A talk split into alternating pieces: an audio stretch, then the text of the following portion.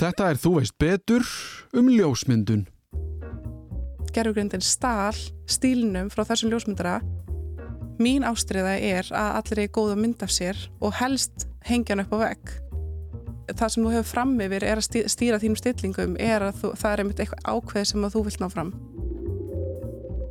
Öll tökum við myndir, hvort sem við hugsum eitthvað frekar út í það eða ekki. Símannir okkar eru oft valdir út frá því hversu góð myndavel sé á þeim og dagarnir þar sem fólk fór út og kefti filmur eru að mestuleiti liðnir. Meira sé að eru dagar stafrætna myndavela komnir á farnir. Það meina ég helst þessara myndavela sem að almenningur kefti og hafði með sér út um allar trissur með minniskortum og tilherandi umstongi. Svo það er ekki skrítið ef að myndirnar sem við tökum séu búin að missa gildi sitt að einhver leiti. Þær fara ekki upp á vegg eða í myndaalbúm heldur enda flestar bara í skí einhver staðar út í heim eða á samfélagsmiðlum sem eru auðvitað nánast einu og sami staðurinn. Persónulega tekið mér ekki einu svona tíma í að skoða þær aftur eða allavega mjög sjaldan svo hver er tilgangurinn orðin?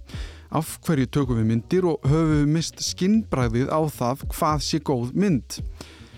Mér langaði til að aðtóa málið frekar og hún Laufey Ósk Magnúsdóttir var tilbúin að mæta til mín og fara aðeins yfir þessar spurningar og fleiri í þættinum í þetta skiptið. Það sem á geta að ákvarð núna er í gangi heimildarserja á RÚF sem heitir Ímynd þar sem ljósmyndun er skoðuð í mjög ítalugu máli svo við tókum ekki mjög langan tíma í söguna hér þar sem henn eru gerð ja, mun betri skil þar. Við reynum þó að stikla stóru áður við pælum betur í því hvaða er að læra ljósmyndun, hvernig við hugsum um ljósmyndir og hvað ljósóp, hraði og ísó þýða einlega. En eins og alltaf byrjum við á kynningu frá viðmælandanum sjálfum. Ég heiti Lauvi Ósk Magnúsdóttir og er portrættljósmyndri, búin að vera það síðan 2011 og er með fyrirtækja Selfossi sem heitir Studio Stund og er formaður ljósmyndrafélagsins núna til 5 ára. Sko það er á svona skuggaboks, þú veist, það var, er náttúrulega fyrsta, alveg, alveg fyrsta, fyrsta, þá var verið að hérna að leika sér með, með sko ljósnönd efni inn í boksi og, og líst í gegn.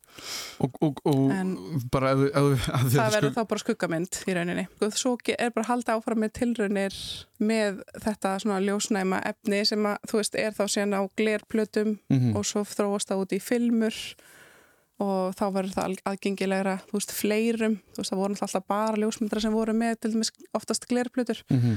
en svo verða filmunar aðgengilegri almenningi Hvenær er þetta? og Er þetta 100 ára eða?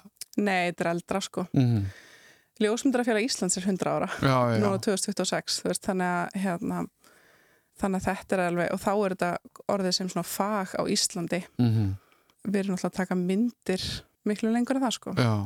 En þessar filmur, þá kannski erum við, að byrja, þá, erum við þá byrjuð að tala um hvað segja, almenningsljósmyndun þú veist það sem að ég get farið í búð og kjöpt með filmu erum við ennþá Já. að tala um ljósmyndara sem, þú veist, að það er eina fólki sem hefur efni, eða þú veist, setur peningarna sinni í að kaupa filmar þegar þeir eru ennþá svo dýrar Já, það er alltaf fyrst er það þannig mm -hmm.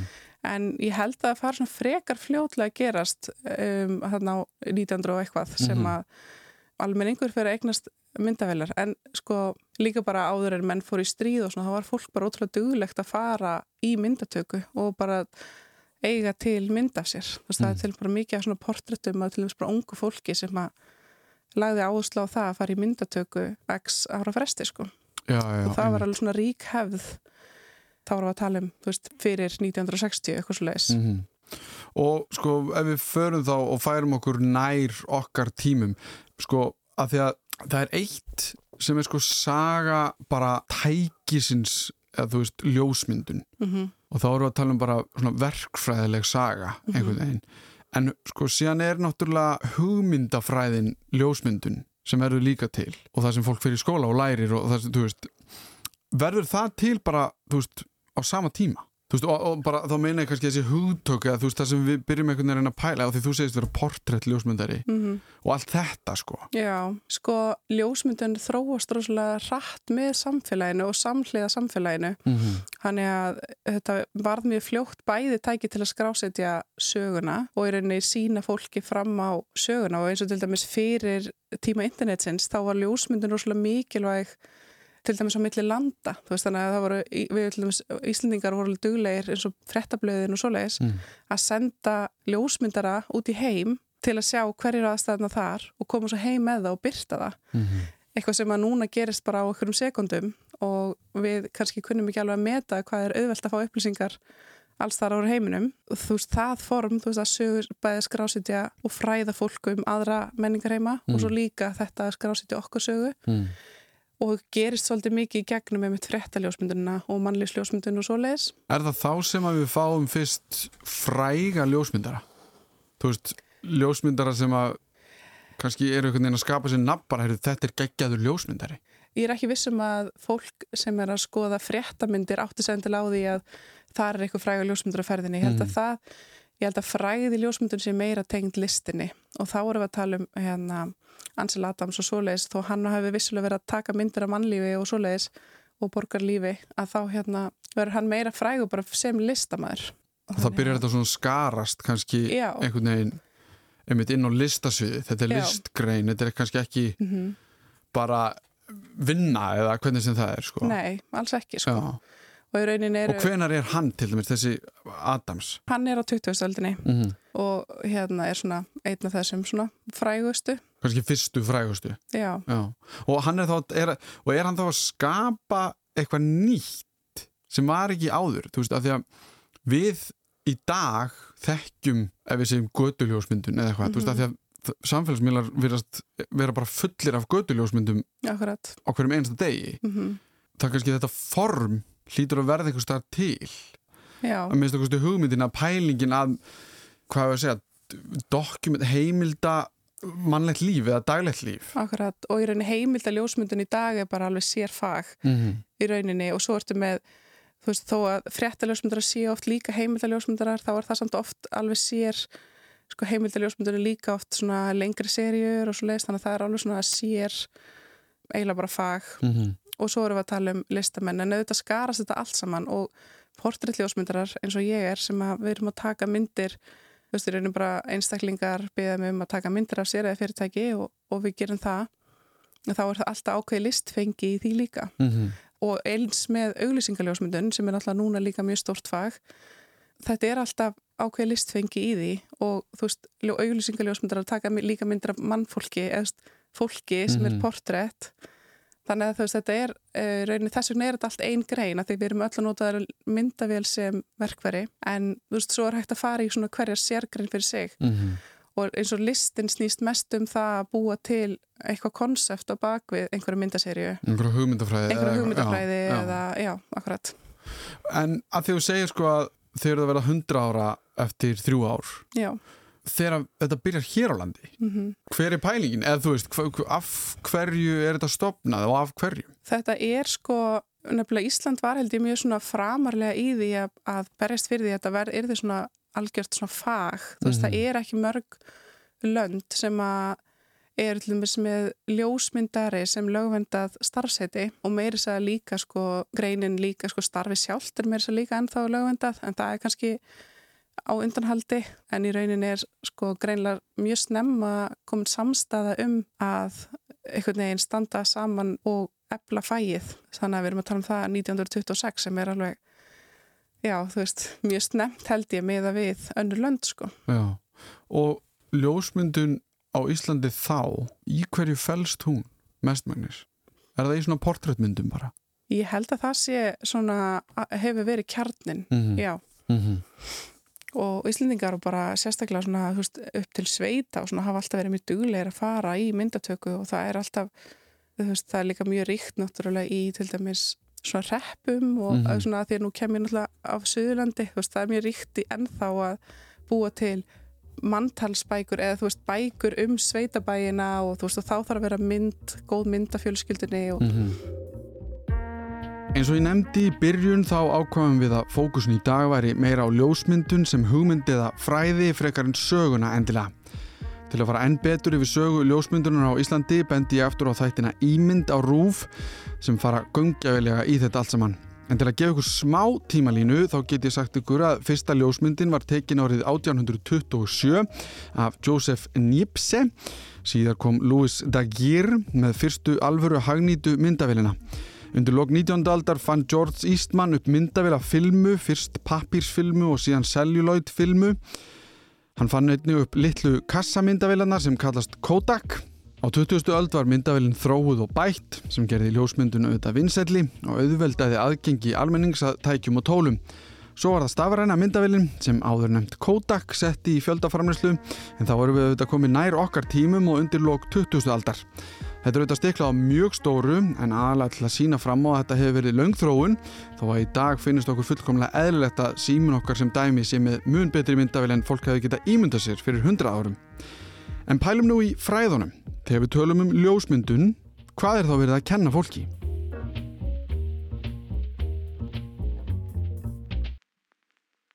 Það sem það er svo skemmtilegt í ljósmyndun er að þú getur svolítið valið einmitt í hvað áttu ætlar að fara. Mm -hmm listamenn til dæmis að þau eru mikið um að læra um sko hugmyndafræðina bak við að skapa einhverja sériu eða, eða einhverja list og auðvitað líka fagurfræðilegt, veist, bara myndbyggingu og það sem að sko, hvað sem að portréttljósmyndarar eða innljósmyndarar læra líka er svona þessi fagurfræði mm. en það er kannski meira tæknilegt nám, þú veist, eins og ef þú ætlar að það fer svolítið veist, eftir hvert þú ferð að læra. Þú veist það við erum svona tvo skóla á Íslandi sem kennir ljósmyndun. Og annar er mun listrætni og hinn er meira svona tæknilegri. Og þá er sko bæði farið í fagfræðina og eitthvað hvernig maður setur saman myndaseríur og svo leiðis en það er líka mikið tala um þú veist lýsingu, skuggana og líka bara hvernig þú kemur fram með viðskiptavinni og það allt ferðli þú veist mm -hmm. að að þetta snýst alltaf um samtala milli þeim þess sem er að fara að eiga myndina og svo þess sem að skapar myndina. En listamennir eru kannski vinna meira sem veist, þeir fá hugmyndina, þeir skapa hana og svo reyna þeirra, eða þú veist, svo eru þeir að selja hana eða, mm -hmm. eða komin á söpn eða svo leis og ég veit um sko að það er til annað félag sem heitir félag íslenskara samtíma ljósmyndara eða físlu, hvað sem alltaf og þú veist, ég var að tala formanni þar um daginn. Og hún er að segja, þú veist, að Ísland áalveg mörg skref eftir í að verða góður staður fyrir listamenn sem er nota myndavilar mm -hmm. veist, þannig að -hmm. lista ljósmyndara en við erum kannski, kannski bara til meira og mótara umhverfi fyrir þá sem vilja vinna við þetta sem annarkort auðvilsingljósmyndarar eða portilljósmyndarar sko, sem er aðeins að maður vilji smætt eitthvað svona, svona sem yðingrein nánast já, þú veist, þú ert að læra, læra einhverja yðin mm -hmm. til að skapa einhverja vöru eða búa til einhverja vöru og auðvitað list, veist, það er list líki pípulögnum og öllu, mm -hmm. það er list út um allt. En kannski fer að fara fáir að fá í pípulögn út af listrætni þörf. Nei, akkurat. Það er mismöndi skali. Það er svona, er sko stjettin í dag, okkar ljósmyndarar við skiptumst allavega í tvent það er allavega klopningur í stjettinu um það, hvort að við hreinlega eigum ennþá heima í þessu yngreina formi, þú veist, og þessum undir þessum hatti sem yngrein mm -hmm hérna margir mjög ósamála því en svo eru aðri sem að breknin ættur alltaf verið þannig og, og bara guldsmiður eru líka ennþá einn menn skilur veist, en þú veist þeir eru líka listamenn veist þannig að veist það eru mörgum sem að finnst til dæmis þessi lögvundun á starfinu sjálfu uh, vera bull veist eru þannig að það er svona mjög mikil klopningur innan greinarinnar hvað þetta varðar. En þetta er greinilega samt sko að því að ég held líka að almenningur sé að vissuleiti orðin hvað maður segja dofin, getur það verið rétt orð? Eða svona ónæmur, ónæmur fyrir, veist, að meta myndir að það er svo ótrúlega mikið magnaðum sem við mhm. sjáum á hverjum deg algjörlega en, en, og, veist, og það er að sá með, ég menna, þú veist, ef þú kanti eitthvað í tónlist eða, eða eitthvað þá ert áttu betur með einhvern veginn að meta ákveðna hluti Já. hefur þessi væðing bara að mm -hmm. þú þart ekki lengur að fara til búið að köpa filmu ég vil þú þú getur það þú veist að, að það séu ekki meira en 10 ár eða ok, segjum 15 ár síðan að ég var með stafræna myndavel veist, og það þótti vera svona hálf svona, veist, líftími hennar var ekkert sérstaklega langur þegar síðan var síminn komin mm -hmm. veist, hefur þetta ekki breyst eða þurft að breytast alltaf mikið á þessum tíma? Jú, virkilega mm. og þú veist að það eru í dag er eru lang, lang flestir sem starfa við þetta að mynda stafrænt en það er alltaf einhverjir sem að elska ennþá sko listfengina við filmuna. Mm -hmm. og það er kannski hægt að segja þessi pínusjáröldringar, ég veit það ekki þú veist, en þetta hefur verið gífurlega hrjöð þróun. Í rauninni höfðu sko ljósmyndar alveg rétt fyrir sér á þeim tíma þegar stafræna myndavælin er að koma inn þá náðun auðvitað ekki filmunni í gæðum, þú veist, ekki næra næri strax. Þannig að það voru til stafræna myndavælin mörg mörg ár áður en að ljósmyndarar fóru að mynda stafrænt mm -hmm. þó þeir hafa kannski verið að gera bæði og ljósmyndarar sem eru búin að vera núna í kannski svona 25 ár þeir hafa þurft að þróast mjög hratt með þessu formatið, þú veist að mynda fyrst á filmu og vera svo komin í stafræna og hún er í rauninni komin nú í dag alveg jafn langt á filmu og komin. mm -hmm. Það er alls konar svona tips og tricks sem að þeir kunnu sem að við kunnum ekki í dag sem ljósmyndarar sem hefur lært á síðustu 5-10 árum á að sama tíma náttúrulega kannski öfugt veist, ef við tölum bara eitthvað svona fræðilegt veist, til dæmis bara ljósnæmni mm. þá erum við að tala um ISO sem að veist, filmunar voru kannski 100 uh, 400 og eitthvað svo leiðis Mm. og við erum að tala um bara og stundum voru það svona eitthvað svona píndar upp í herra ISO til bara til að leika sér en í dag erum við kannski að mynda á 10.000 ISO eða veist það kannski gera það ekki margir en, Mm. en, En það er hægt. hægt stafræna tæknin getur það Og bara því þú nefnir, þú opnar á ISO og þetta, af því að ég hef rætt í ljósmyndara sem ég þekki að þá eru nokkur atriði sem eru greinilega svona stórir póstar í því ef þú ætlar að læra eitthvað mm -hmm, varandi það að taka mynd. Sérstaklega ef þú færð nostalgíukast á einhverjum tímapunktu á æfiðinni og kaupir notaða filmumyndavel einhver staðar Mhm. og færð hann sín úr framkvöldun og áttar ekki á því að okkur það eru allar hrottalegar. Akkurat hverjir eru þessi stóri póstar og hvernig virka þeir? sko það er ljósop og hraði og svo ljós, ljósnæmni sem er þá ISO Mm -hmm. og ljósop er, mm, þú veist, notar F fyrir fram á það Mm og það stýrir fókusstiftinni uh, á myndinni Mhm. þannig að þú veist, þegar við séum myndir það sem að kannski bara augun eru í fókus en næstu í hárið og allavega klárlega bakgrunnin eru komin út úr fókus Mhm. að þá er verið að mynda það á mjög stóru ljósopi Mhm. og þá verður fókusgrunnurinn eða fókusplanið grund um, en svo tekur kannski landslasmynd og þá viltu hafa bæði vatni og trén og fjallið kannski í svona þokkalegum fókus Mhm. og hérna þá ertu kannski komin upp í lítiljósop sem er þá hátalar sem er þá 22 eða 16 eða eitthvað svo leiðis Mhm. og svo er það hraðinn og það er bara hversu hratt þú veist, það er það að taka myndina og þegar náttúrulega glerplötunar voru í gamla daga, þú veist að þá náttúrulega voru allar myndir teknar kannski á nokkrum sekundum og fólk var sett í hnakkastatíf til að það myndi ekki hreyfast Mhm. en í dag getum við náttúrulega myndað á einum þúsundasta á sekundu léttilega og einum, þú veist, eitthvað bara pinlítið, þú veist, Mhm. 3200 eða það er náttúrulega mjög mikilvægt þegar þú mynda til dæmis íþróttir eða, eða bara allt sem þú vilt frista reyfinguna þú veist, Já, þú það sem er með gerast hratt það sem er eða að gerast hratt, já, og þá viltu mynda á sekundu brotum en svo getur þú, ef þú ert til dæmis að mynda landslag sem er bara kjört þá getur þú mynda á hægari hraða og þá erum við kannski komin í tvær sekundur eða eitthvað. En af hverju, og ég, ég ætla líka að leira þetta auðvitað á þetta ekkert bara við um filmmyndavilar þetta á líka við bara um digitalmyndavilar og alvöru myndavilar, þá bara eftir að stilla þessa luti af. Mm og það er það sem er fyrir ekki að grípa fram fyrir. En þú veist, það er það sem er flott við í rauninni tæknina, hvað var komin langt snemma í rauninni, að því við erum ennþá að byggja nákvæmlega sama grunni. Mhm. Við erum ennþá að nota ljós og praða á ISO og við erum ennþá að nota, þú veist, í tölfunni erum við að nota í rauninni sömu tækni og var að vera að nota í myrkraherbygginu. Mhm. Þú veist, dots og börn og þú veist, að lýsa og dekja ákveðinu hluti í hverju mynd og eitthvað svona. Það var bara gert undir inn í svona rauðu herbyggi sem ekkert ljós má koma inn í Já, akkurat, þú veist, inn í sem við myrkraherbygginu. séum bara í myndum núna, já, Já. nema ljósmyndarar Já, akkurat. Og við erum ennþá að vinna bara með þá tækni Mhm. nefnum bara í tölvunni. en sko, ljósop og Hraði. ljósraði Nei, bara ljós og, og hraði. Ljós, já, hraði. já, já, okay, já, ljós og lokarhraði það bara þannig Mm það er eitthvað samspil þarna á milli er það ekki? já, algjörlega. Og þetta er eins og þrýrningur. Og því að ljósnæmnin, ísóið er líka mjög mikilvægt í, í þessum. Þar að þú veist, það þarf að vera jafnvægi. Ef þú ert inn í bara, eða bara venjuleg dagur, Mhm.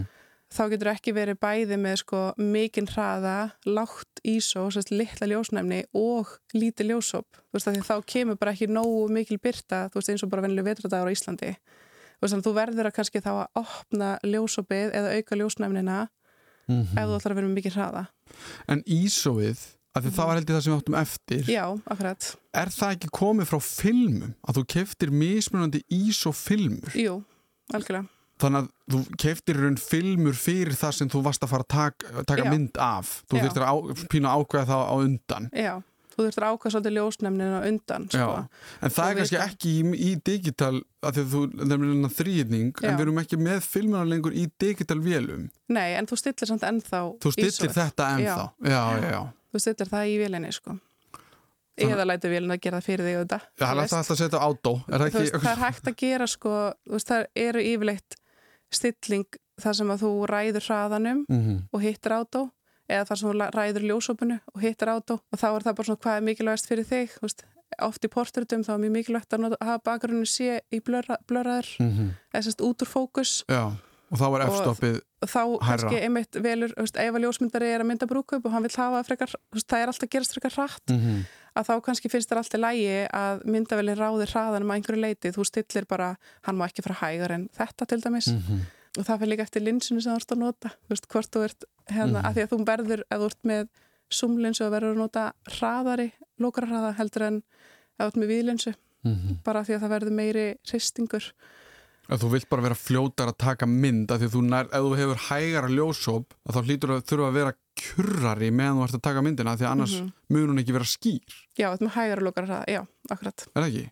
Jú. Já, er það ekki? Hægari lokar hægari lokar Já, þú veist, ef þú ert með hægari hraða þá verður það að vera meira kjör þú veist, Já, þess að að það eru það. landslagsjósmyndar myndi vilt að þrýfæti mm Já, Þú veist. nákvæmlega af því að þeir eru kannski að taka á litlu ljósopi vilja hafa mikið fókus þar að leiðandi vilja að þrýfóturinn sé bara alveg kjör á meðan Mhm. þú veist, og þú bara ítir og, og leiði myndin að taka á lengri tíma. Mm Það sem varst að segja núna hef ég heyrt áður en ég er samt ekki vissum að þetta fer samt alltaf í rugl þegar ég ætla að reyna að byrja að græða eitthvað með einhverjum vél sem ég á heima eða eitthvað, þá Mhm. byrjar þetta smá að fara í svona ruggli haustum á mér. Akkurat.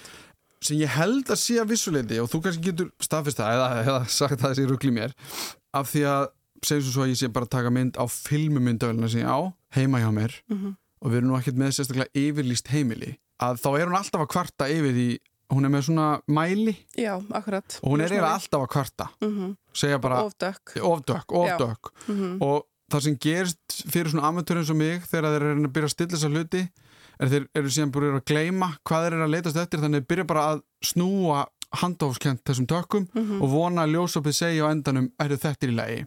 Af því að náttúrulega þegar þú byrjar að breyta ljósopinu að þá þarftu kannski að breyta líka lokarhraðanum eða þú veist Mhm. þú getur ekki þetta helst einhvern veginn alltaf í hendur Já, að að sko og þú ert líka löngu búin að gleyma hvað ISO filman er á og, og eitthvað svona Já, akkurat. Þú veist, myndavælinn er náttúrulega með það, þú veist, veit það hvaða ís og filman er, mm -hmm. að þú segir, eða þú veist, en, en það er einmitt mjög, hérna, þú í, í digitalinu þá er oft, sko, mæli oft með því þegar fólk er að æfa sig, að Mhm. þú veist, þú byrja bara að einbetta sér að, bara, ok, ég ætla að prófa mig bara áfram með hraða og er það bara, en það er náttúrulega kostur um digital og sér það á skjánum hvað er að gerast Mhm. þar að þú bara lætur myndavélina stilla, þú veist, hitt á með að þú ert að leika með hraðan Hver, hverju munur að hvert ég teik á einum 8. sekundu eða einum 170, eða 160 Mhm. eða einum 1500 eða eitthvað Já, það er bara prófa sig þú veist, áfram. prófa sig áfram Mhm. með hérna, uh, hraðan og svo með ljósopið Mhm. Og láta þá vélina stilla hitt veist, fyrir því á meðan. En ég held alveg vissulega sko, það sem er kannski mar, það sem margir rugglast á er að hérna, þegar maður stækkar ljósopið þá lækkar talan. Einmitt. Þannig að maður talar um stærra ljósop sem er lægri tala. Mhm. þannig að 5,6 er stærra ljósop heldur en 22 Já, einmitt. Það er einmitt ekki, það er einmitt öfugt við það sem maður myndi halda. Já, akkurat og ég er svona, þú veist, stundu þegar ég er að hjálpa fólki að, að læra þá ímynda ég mér oft sko að þetta, það er verið að tala um þú veist, ef þú myndir hugsa þetta sem ring og það sé eitthvað sem að þrengir og þrengir ringin, mm. að það sé þá meira svæði sem að svona coverast yfir ringin sem þú veist að horfa út um. Já, ég skilði, þannig að þá er það hærri tala þá er meira Já, sem þá er er að meira svæði sem er fyrir þú veist, mm, Það er mjög þú góð veist, ef maður myndir svona reyna eitthvað að sjá þetta fyrir sér. Já, það er mjög góð leitist að muna þetta sko. Mm af því að þetta er einmitt, þetta er svona counterintuitive eins og maður myndi segja sko. En þegar að, og nú ætlum ég bara að spyrja þér hreint út, þegar ég tek mynd á síma minn, hvað get ég grætt fram yfir átó stillinguna sem sími minn er bara á? -hmm. er það bara af því að þá vil ég ná einhverju fram eða get ég bara treyst að því að nú gerði ég þátt um gerfigreind eða þú veist tók ég vitt um gerfigreind og það er náttúrulega bara komið í síman líka einhver Já. gerfigreind sem er að segja herrið svona lítur þetta örugglega best út. Akkurat, og ég held að það sé nýjast teknibildingin í ljósmyndun líka já, það er klárlega gerfugrind og við erum náttúrulega, það er bara fullt af fólki sem er bara stressaði bara hreinlega yfir fæinu yfir höfuð sko. af því að þú getur að senda mynd andlitsmynda þér inn í eitthvað gerfugrind og hún getur búið til þig inn í eitthvað landslægi eða, Mhm. eða búið til málverku úr veist, það er einhvern veginn uh, rosalega mikið að gerast þar og ég held að sko ljósmyndarar það sé svona næsta áskorun er að nýta þessi gerfugrindina í vinnunni mm. en það er svona út út úr en ég held sko að klárlega er þetta veist, það sem þú hefur fram yfir er að stýra þínum stillingum er að þú, það er einmitt eitthvað ákveð sem að þú vilt ná fram Mm. ég held að það sé alveg klárlega bara svona stærsti pósturinn Mm. en svo er það líka bara einmitt að kunna meta hvað er góð mynd og það er líka mjög oft margir sem sjá góða mynd og bara ég sé hún góð en ég dekt af hverju veist, af hverju hún er betri en þessi hérna þeim við hliðina. Það var eiginlega næsta spurning sko, af því að, að því að þú veist, ég er svipaður. Ég myndi segja að viðfóngsefnið breyti skoðum minni doldið sko. Ég veit ekki, bara einhver síning sem ég fór á það sem einhver var að dokumenta eða þú veist, það var meira svona, held ég, náttúra á Bretland og það var svona eitthvað kólanámi menn í einhverjum gungu, þú veist, það var svona einhver sögulegt gildi og, og myndin var cool, ég gæti orðað þannig. Mm -hmm. En ég hef mitt gæti ekki endilega fest hendur á sko, er það því að ljósopið er, eða þú veist, einhvern veginn þannig, þannig að ég, mér langar smá einhvern veginn til að tala um sko hvernig maður metur þetta, þarf maður að Mhm. vita að fer þetta bara allt eftir einhverju tilfinningu og kannski tröstu á því hvað aðrir segja sér góðu ljósmynd eða eitthvað? Nei, sko, ljósmyndarar, þú veist, þeir þjálfa sig upp á mismunandi hátt, veist, og, og það það sem ég var að tala um eins og með þessar undirgreinar eða sérgreinar, þú veist, að, að hérna, við erum kannski ekki eins og endilega sammála um hvað er góð mynd, en þetta er samt sem áður yfirleitt einmitt tilfinning, þú veist, er, þessi ljósmynd að gefa þér eitthvað tilfinningu mm. og oft ná þeir, sko, ég held að það sem að ljósmyndarar einhvern veginn þjálfist upp í er að sko ná kjarnanum í viðfóngsefninu Mhm. inn á myndina þannig að þú veist það er ekkert annað sem trublar það er þú veist, það er ekki óþorfa pláss í eitthvað þú veist, maður hefur mjög oft séð, þú veist, myndir mitt eknar síma eða úr fjölskyldubóð með eitthvað þar sem er, þú veist, höfuður er brakkur til miðjunni, fullt af heimin eða ég vil þaki, þú veist, rófan, þú veist, alls konar svona Mm -hmm. uh, atrið sem maður átt að segja á þegar maður kannski að taka myndin að maður er óvanur en ljósmyndarar náttúrulega þjálfa sig upp í að, að nýta ramman vel stilla upp myndbyggingur í tengslu við gullnuregluna og eitthvað svona sem að hérna er lært í bæði myndlistanámi og ljósmyndanámi og ég held að sko en fyrst og fremst er það tilfinningin og svo í öðru lagi góð lýsing, allt í fókus er það hreift, ef það er hreift er það viljandi, þú veist Mhm. það er ekki hérna óvart það er kannski svona stærstu póstanir komum við þá bara ekki aftur inn í listgreinina? Jú. Af því að, þú veist, bróður minn er listamæður og hann vill aldrei segja mér hvað er í gangi í verkunum hans Mhm. af því að hún langar til að mín upplifun, þú veist, að listaverk vinna á mjög svipaðan hátt já, algjörlega út frá tilfinningu. já, Síðan er náttúrulega eitthvað annað fólk sem setur kannski eitthvað peningalegt gildi, eða þú Mhm. veist, það býr til einhvern ramma sem er peningar í kringum það sem að held ég fólk á kannski meira erfitt með að skilja, sko, eða þú veist að málverk selist á 16 miljónir dollara eða eitthvað og já, já, skilur já, allt þetta. einmitt. en hérna, maður veldi bara fyrir sér sko, þú veist, Ann Líbovits þú veist, einhver Mhm. svona nöfn sem maður hefur heyrt Mhm. Að það sé kannski bara ekkert ósvipað eins og með tónlistafólk eða, eða bara eitthvað í listgreinum að Mhm. það finnur einhverju sína rödd það finnur einhvern sinn stíl já, sem það algjörlega fer inn og fylgir og það sá, kannski sá stíl einhvers konar endurvinnsla á einhverju sem var fyrir eins og allt Mhm. er náttúrulega einhver leiti en eitthvað ferst já, og ég held líka sko það sem að ljósmyndarar þurfa að gera er einmitt að sérhafa sig og, og bú, skapa sér svona stemmingu eða stíl sem að þau að því að sko þú ert ráðin eða það er mynd keift af þér af því að hún kallar fram einhver ákveðin tilfinningu. Mm -hmm. þannig að einhver sem er kannski að mynda flóttamanna fjölskyldu sem er að berjast fyrir hæla á Íslandi þú veist, hún er ekki að mynda í sömu stemmingu og einhver sem er að taka myndar að brúka við og veist, þetta er, þú, þú vilt og það er það sem að ljósmyndar að reyna sér af þessi í er að kalla fram ákveðin tilfinningu og oftast er það þá eitthvað sem að þeim finnst áhugavert eða skemmtilegt Mhm. þau eru þá ráðin í verkefni sem að kalla á þessa tilfinningu og það er til dæmis hérna, eru til dæmis ljósmyndara sem að hafa verið ofta að vinna fyrir Rauðakrossin þeir fara út taka myndir af kannski erfiðum aðstæðum koma í Ísland, sína það þannig að Íslandika gefa pening í Rauðakrossin Mhm. til dæmis þau vita er, Eða- eftir hverju þau eru að leitast Já. eftir Akkurat. Þá er oft svo mikilvægt að taka bæði, þú veist, heildamyndina og svo nærmyndina, þú veist, og, og þetta svona uh, smáadriðin mm -hmm. sem að gefur skemmtilega sko sín í seríuna. Mm -hmm. að því ég velti fyrir mig bara að því þú talar um gerfugrindin hann Mm -hmm. og við erum öll með síma sem er með myndavel Mm -hmm. þannig að, og við höfum talað um sko að ljósmyndun sem nokkur svona yðngrein mhm, og listform og þetta er svona eitthvað, eitthvað, eitthvað, eitthvað hérna, hjónaband af þessu Já. tvennu algjörlega og skalin er mismunandi bara eftir hver ljósmyndarinn er mhm. Hva, í, þú veist, hvort hann sé 20% yðngrein og, og, og Mhm. eitthvað, hvernig sem það er Ég held sko um þetta við ættum ekkert endilega að tala um þú veist, yðingrein Mm. og uh, list að því að ég held verið tryggar að tala um bara tæknilega hluta og svo Mm. þetta, þennan mannlega þátt sem er listin en það sem ég var einmitt að pæla var að því við tölum um gerfugrindina mm og hvað eru margir konum með myndavill, bara í vasan að gerfugrindin er einhvern veginn farin að tækla tæknilega hlutan Já, en list er eitthvað sem gerfugrind hefur ekki ennþá vald á Nei. og veit ekki hvað er akkurat og mannsaugað, þú skilur, tilfinning allt sem við höfum Mhm. talað um hérna er eitthvað sem Mhm. gerfugrind hefur ekki allavega að mista kosti eins og er vald á, hún veit ekki hvað Mhm. er hún velur hvað er góð ljósmynd út frá því bara hvað internetið segir að sé góð ljósmynd Já, sko ég mitt sá portréttmynd frá gerfugreind mm.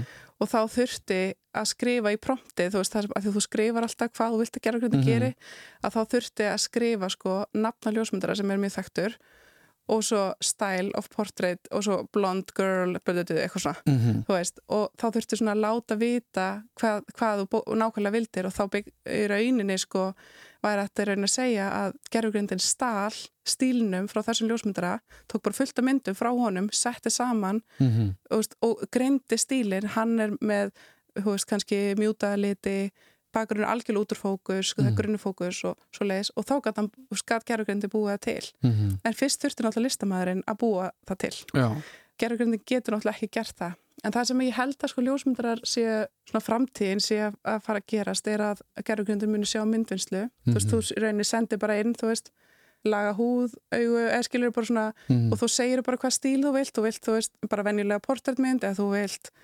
auglýsingar í töts eða semst vinst- myndvinnslu eða beauty myndvinnslu, þú veist, það er alltaf svona þetta er svona stig á til dæmis húðvinnslu Mhm. Taka út, það sem er líka núna mikið í gerðugrindinni sem er bara komið inn í öll forrið hjá okkur, er að við getum bara tekið, sett ringu utanum postkassan sem er óvart inn á myndinni Mhm. og bara taka hann út Mhm. þú veist, bara í, því þú gerir ekki beint í reis, þetta heitir content að vera, þú veist, Já. þannig þannig að þú gerðugrindin metur hvað er í kring setur það saman í eitthvað svona meðaltal og Mm. býr til bara nýtt En er greinin, sko, ég held að gerfugreind sé stóra dæmið mm fyrir held ég bara alla listsköpun, ekkert bara Mhm. ljósmyndun, þú veist, Nei. ég meina tónlistafólk og myndlistafólk og það er, er eiginlega allir daldi í smá paniki yfir bara, heyrðu, hvað er að fara að gerast hérna? algjörlega En- og bara rítgerð skrifa og alls konar Já, veist, ok, bara eiginlega heimur okkar í heild er einhvers, bara ok, hvað er að fara að gerast? En Mhm. finnst ykkur eins og það herji að þú veist, það sem búið að gerast núna er mest í þessum ljósmyndum? Þú veist, þessar Mhm. ljósmynd sem flættu yfir netið af öllu sem voru að henda sér Mhm. inn í gerfugreindinu og allt það. Líður ykkur eins og það sé alltaf verið að þrengja að ykkur pínu þú veist að því eins og þegar við byrjum á sko. sögunni þá var þetta bara, þú veist, þú, þú, það gáti ekki allir, allir verið ljósmyndarar Nei, það var bara akkurat. þannig Já, þú veist og þetta er náttúrulega umræð sem hefur orðið til þegar filman kom í almenningssegn þá var Mhm. allir bara, ó, nó, nei, nú er allir ljósmyndarar mm. og svo þegar stafræna myndavildin kom, þá var ennþá, þú veist fólk var ennþá hrættara, þú veist, ó nei, nú er allir ljósmyndarar, en Mhm. ég held að mannlegi þátturinn og þessi mannlega þekking sem að ljósmyndarar þjálfa sig upp í að ég held að ég er ekki hrætt um að, að tölfur taki yfir það sko, alls ekki. Og ég hef ekki heyrt að ljósmyndurum á Íslandi sem eru hrættur um það, ég hef alveg heyrt sko, kannski erlenda ljósmyndara svolítið svona veltaði fyrir sér, hvort að það reynilega bara það sé að vera að koma í, í staðin fyrir þá. Og ég held kannski ef ég ímynda mér einhver sem eru búið til auglýsingar, þú veist, er að fá mikla peninga fyrir auglýsingatökur Mhm. eða lífstíls einhverjar svona talum eins og fyrir fatafyrirtæki Já. og svoleiðis geti trú að það sé kannski eitthvað sem að mögulega væri eitthvað gerðugrind hægt, að- hægt að taka við en það er aldrei eitthvað gerðugrind að fara að taka myndir af brúkupum til dæmis Mhm. eða bara hreinlega fjölskyldinu þinni þó þú getur tekið mynd á símaðinn og beðið gerðugrindum að enhansana, þessast bætana þannig að þú getur brendað hann út í góðan gæðum og en þá vantar samt alltaf mannskinu baka myndal sem fær fjölskylduna þinn til að brosa Mhm. og þú veist, búið til góða minningu á baka mynd, myndina sko.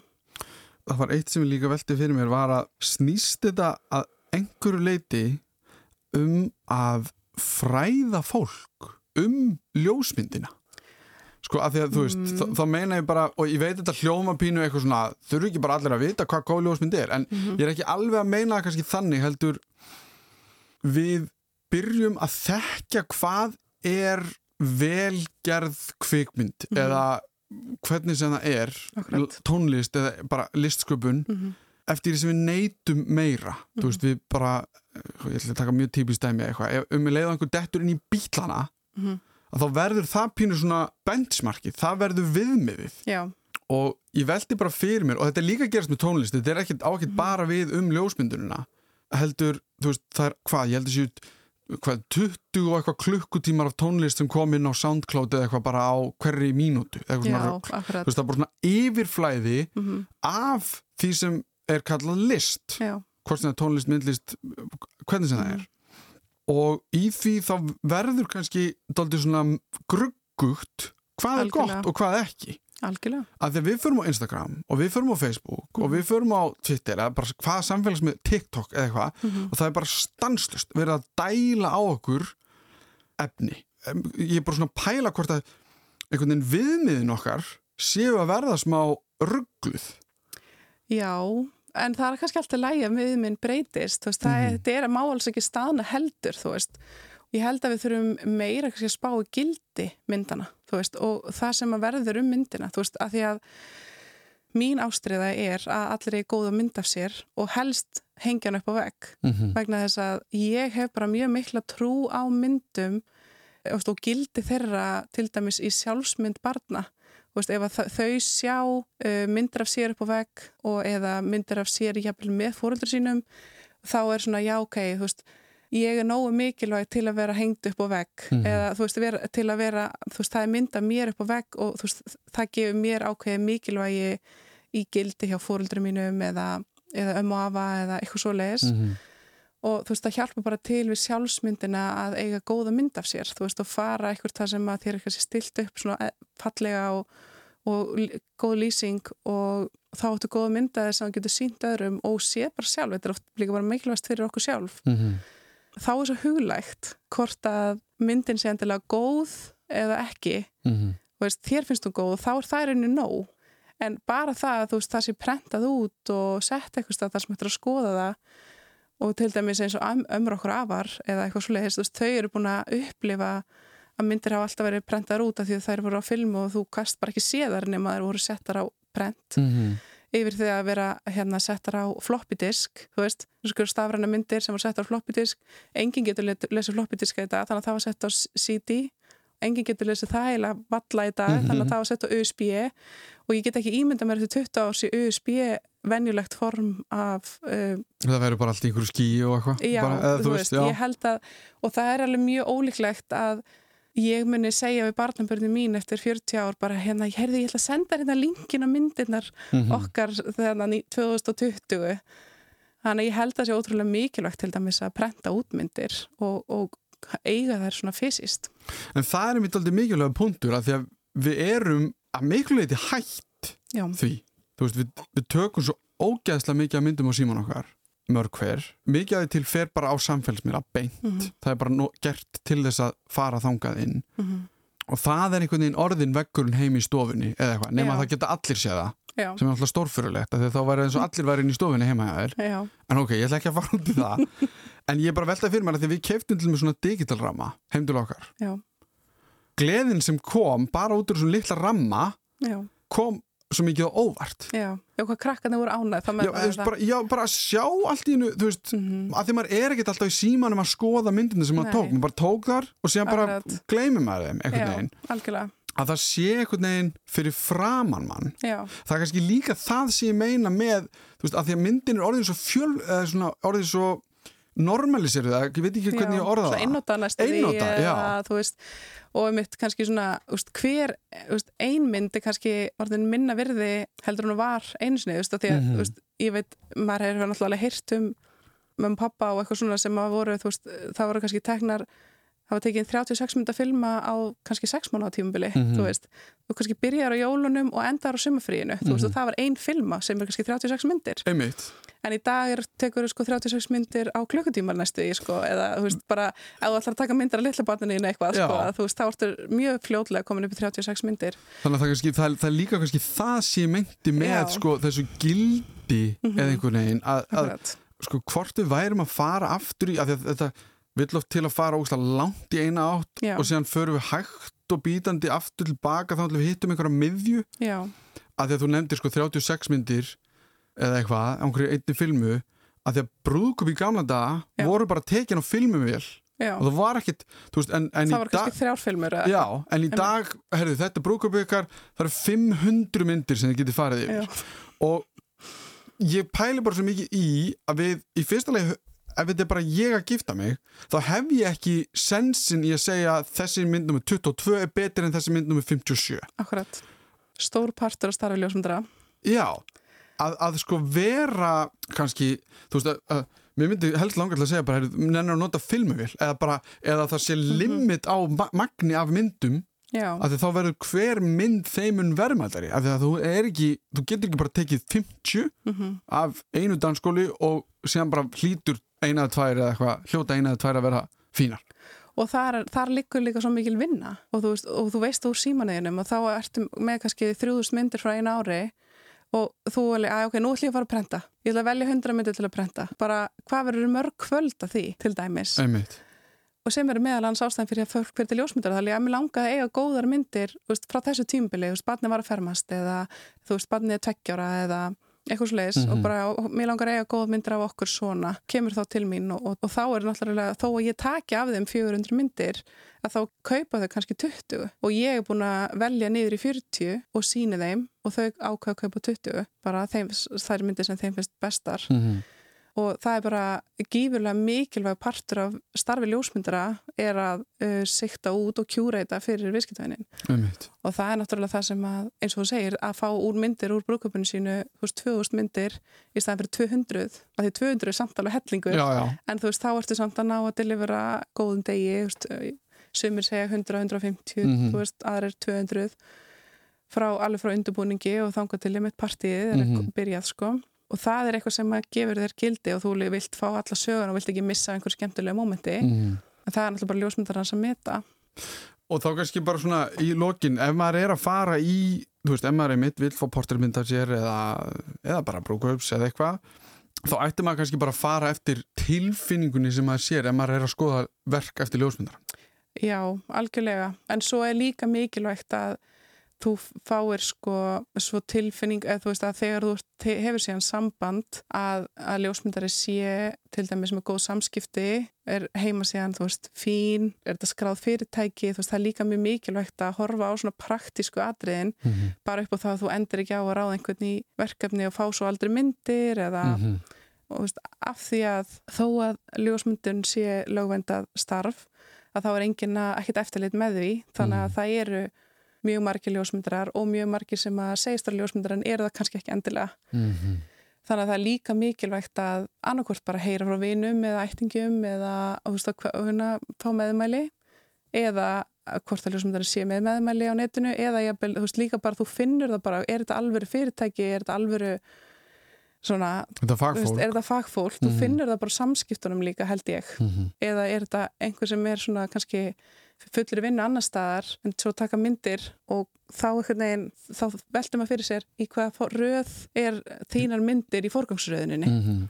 og svo eins og ég var að tala um á hann líka með að velja úr myndir og svona, þú veist, við náttúrulega fórum ekki í til dæmis mikilvæg þess í fréttaljósmyndinu Mhm. til dæmis, þú veist, Já. að velja það réttu myndirnar myndir sem er teknað með tímyndna millibili geta sínt mjög mismunandi hluti, þú veist, þú Mhm. getur tjáð svo mikið með, með þessu vali á myndum Þannig að þú ert í raun, þú veist, þetta er bara alveg eins og ég fór í hljóðtakni að Mhm. þjálfi mér eirun að þá er þetta í raun ljósmyndun og að læra ljósmyndun er líka bara að þjálfi sér augun, Augun. Já. Já, ef við einföldum það svona alveg Já, í- ég tala oft um að þjálfa upp auga sko, algjörlega og svo eru náttúrulega til listamenn sem eru bara hæfileikaríkir og eru bara strax ofslega færi listamenn Já, það er náttúrulega bara pyrrandi lið, þú veist, alveg eins og ykkur sem byrja bara að gefa út eina plötu og engin vissi hvað hann var og þetta er bara veist. það er alltaf til Og og- talentarnir, Já. já, nákvæmlega Við getum ekkert gert í því.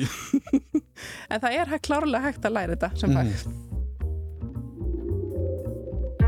Við blönduðum smá saman pælingum okkar um gerfigreindina og framtíðartali um ljósmyndun.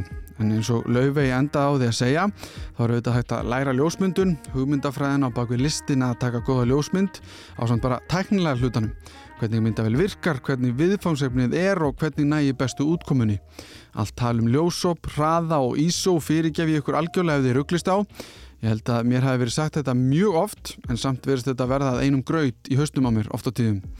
En það er hægt að byrja bara hægt, meira sig á símanum ykkar og vinna sig áfram. Það er merkilegt hvað er hægt að gera bara með því að fykta með stillingar og fykar sig áfram.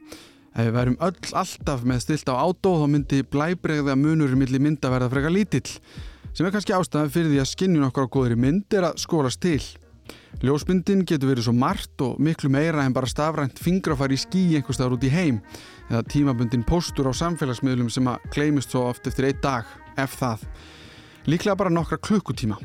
Við þekkjum öll tilfinninguna sem tekur á mót okkur þegar við flettum í gegnum myndaalbúm eða skoðum veggi heima á fólki. Í ljósmyndum getur verið sögð saga heilla fjölskyldna, lífslaup barna og þarfram eftir gödunum. Það þurfi ekki að vera bestu myndir í heimi en við þurfum að minnst að gefa okkur tíma í að skoða þær aftur með þetta þeirra verlegum og þykja væntum þær. Og í guðunabænum prófiði að kaupa ykkur einhverja ódýra filmmyndavel eða bara stafræna myndavel og prófa ykkur áfram. Fá filmu úr framköllun sem er öll í ruggli, það skilur oft mjög skemmtilegum niðurstöðum og er oft miklu persónulegra en að sína ykkur um Instagram-reikningin sinn. En ófram ég er í bylli. Ég vil þakka Laufeyju Ósk Magnúsdóttur fyrir að koma til mín og nenn að ræða þetta allt saman við mig. Minna á postin minn allimarat.ruf.is ef það er einhverja spurningar eða ábendingar eða hugmyndir að efni sem ykkur langar til að heyra meir um.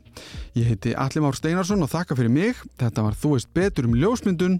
Heyrumst í næsta hætti.